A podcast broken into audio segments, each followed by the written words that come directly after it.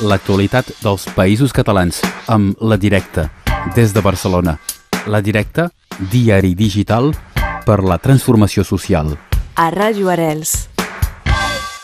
Acabarem eh, aquest any 2021 en companyia del David Bou des de la Directa. David, bon dia. Bon dia. Un any eh, que s'acaba en general amb aprovacions de pressupostos per l'any vinent i és un dels temes eh, als quals heu posat el, el focus en aquest mes de desembre. Efectivament, sí, se n'ha parlat molt darrerament el capítol polític de l'actualitat catalana aquí al Principat, no? d'aquests nous pressupostos de la Generalitat, d'aquest govern d'Esquerra Republicana i de Junts per Catalunya, eh, de com, quin impacte tindria aquest canvi en la presidència que ha deixat d'estar en mans de Junts, un partit que ve tradicionalment, com bé sabeu, de, del centre-dreta, de l'extinta Convergència i Unió a mans d'Esquerra Republicana, un partit no? amb un perfil més socialdemòcrata, doncs hem analitzat aquests moviments eh, socials, amb, la els, amb els moviments socials hem, hem, hem analitzat, deia, els primers pressupostos del govern aragonès, que també són els primers pressupostos que s'aproven començant l'any, és a dir, que començaran l'any amb un nou pressupostos per primera vegada des de l'any 2010, això no passava des del, des del 2010, començar un nou any amb uns pressupostos ja aprovats, i aquests pressupostos s'han aprovat eh, gràcies a l'abstenció de, de, els comuns de Catalunya en Comú Podem, eh, aquests pressupostos amb el suport de Junts per Cat i d'Esquerra Republicana. Hem analitzat quatre capítols, els més importants eh, probablement des del nostre punt de, punt de vista a nivell de serveis públics, sanitat, habitatge i educació, i també un quart que és un sector molt eh, important dins dels moviments socials també aquí al Principat, com és la cooperació al desenvolupament. Doncs què, què podríem destacar d'aquests uh, punts precisos? Doncs el capítol sanitari, enguany, eh, degut de la pandèmia, eh, ha sigut com la joia de la corona no? del projecte de pressupostos del conseller Xavier Giró, que en aquest cas també és eh, membre de... Bueno, és una persona independent de l'òrbita de Junts eh, per Catalunya.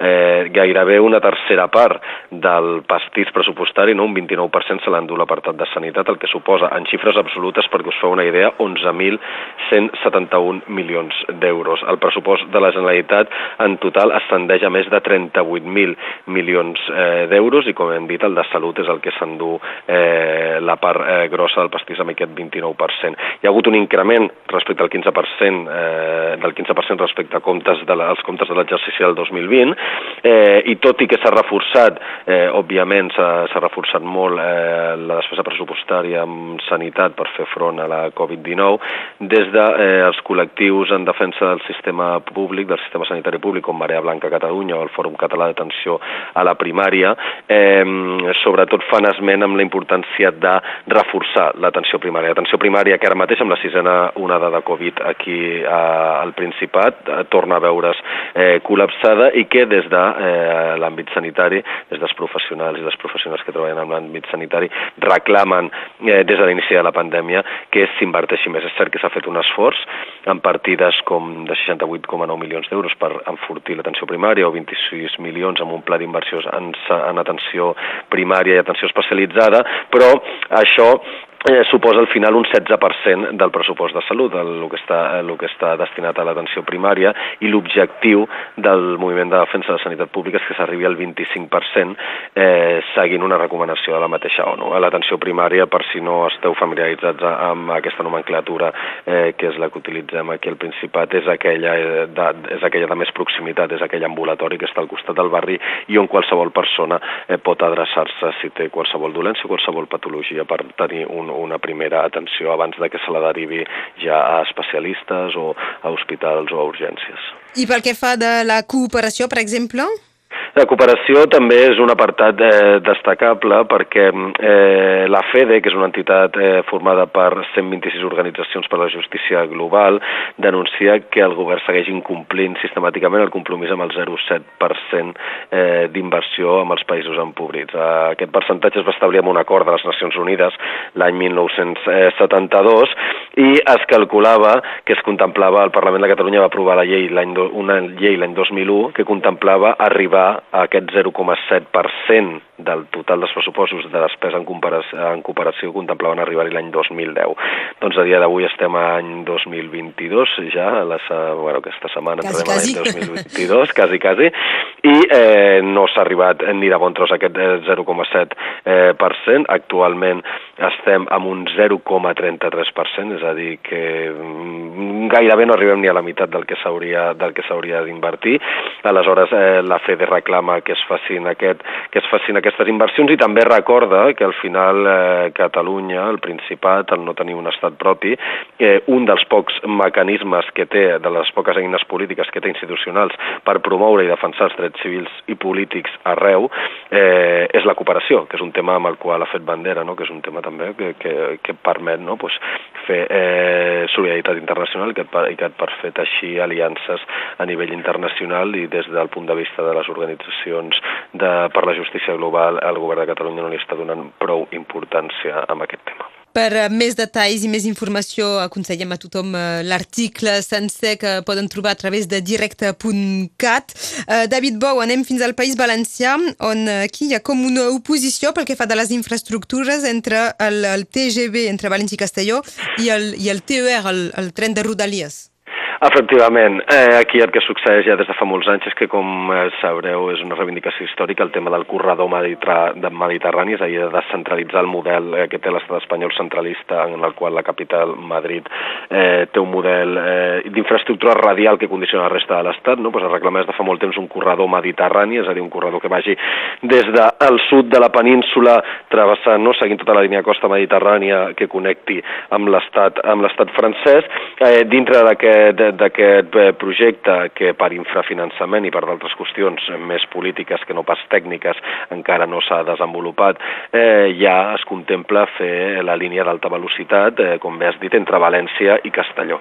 Eh, la publicació de l'estudi informatiu d'aquesta línia d'alta velocitat entre València i Castelló eh, ha fet activar de nou les alarmes a les entitats en defensa del territori i del tren de proximitat, ja que adverteixen que la construcció d'aquesta línia suposaria només el pas entre València i Sagunt l'expropiació d'entre 5,7 i 7,2 milions de metres quadrats d'horta, de camps d'horta i de tarongers, que com bé sabeu és un, de, és un dels motors econòmics també del, del País Valencià. Això suposaria també la fragmentació del territori, una reducció dels trens de proximitat, de la inversió dels trens de proximitat, que és un servei que és el que fa servir la majoria de la ciutadania i que a dia d'avui ja és deficitari i ja acumula moltes queixes, i també eh, la renúncia al traspàs de les mercaderies del camió al tren, és a dir, una de les grandeses no? El que s'esperava, del, del que s'espera del corredor del Mediterrani és que permeti eh, fer una transició no? perquè l'AP7 no vagi carregada de camions, que segur que alguna vegada eh, l'heu patit amunt i avall, sinó que tot, aquesta, tot aquest trànsit de mercaderies, en lloc de ser per carretera, pugui ser per tren, el que suposaria també eh, de retruc i no menys important en un context de crisi climàtica, doncs una millora eh, pel que fa les emissions de, de CO2 i de gasos contaminants. No? Doncs eh, aquest projecte, en principi, principi no contempla, no va amb aquesta línia, sinó que va amb una línia contrària i això és el que explica Esther Fallos des del País València en aquest reportatge. Una altra proposta que feu des de la directa en aquest final d'any és una, una campanya per demanar a la gent de, de subscriure's de, a, a la vostra pàgina i a més a més endur-se l'agenda 2022. Efectivament, per tancar l'any us explicarem que aquest ha sigut un any bo per la directa, hem seguit acumulant eh, suport de subscriptors i subscriptores, ja són més de 3.500 persones subscrites a la directa.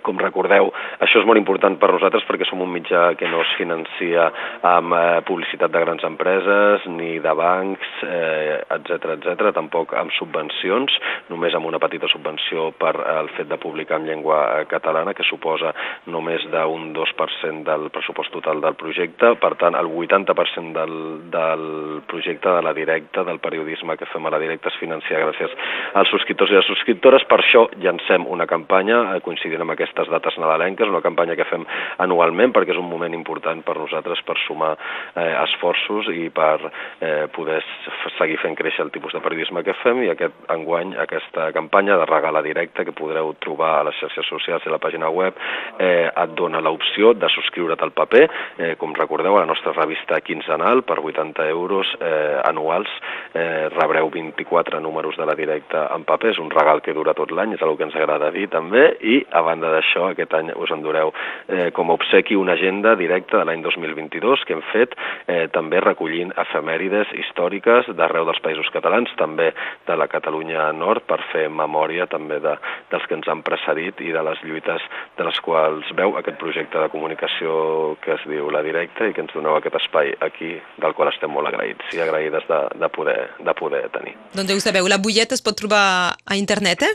La butlleta es pot trobar a internet, a directe.cat, eh, com bé sabeu, allà a Regala Directe trobareu tota la informació i podeu fer aquest, aquest regal i donar suport al periodisme que fem des d'aquí. És el que podem dir avui en companyia del David Bou. Gràcies, eh, gràcies per tot aquest any també de cròniques i fins l'any vinent.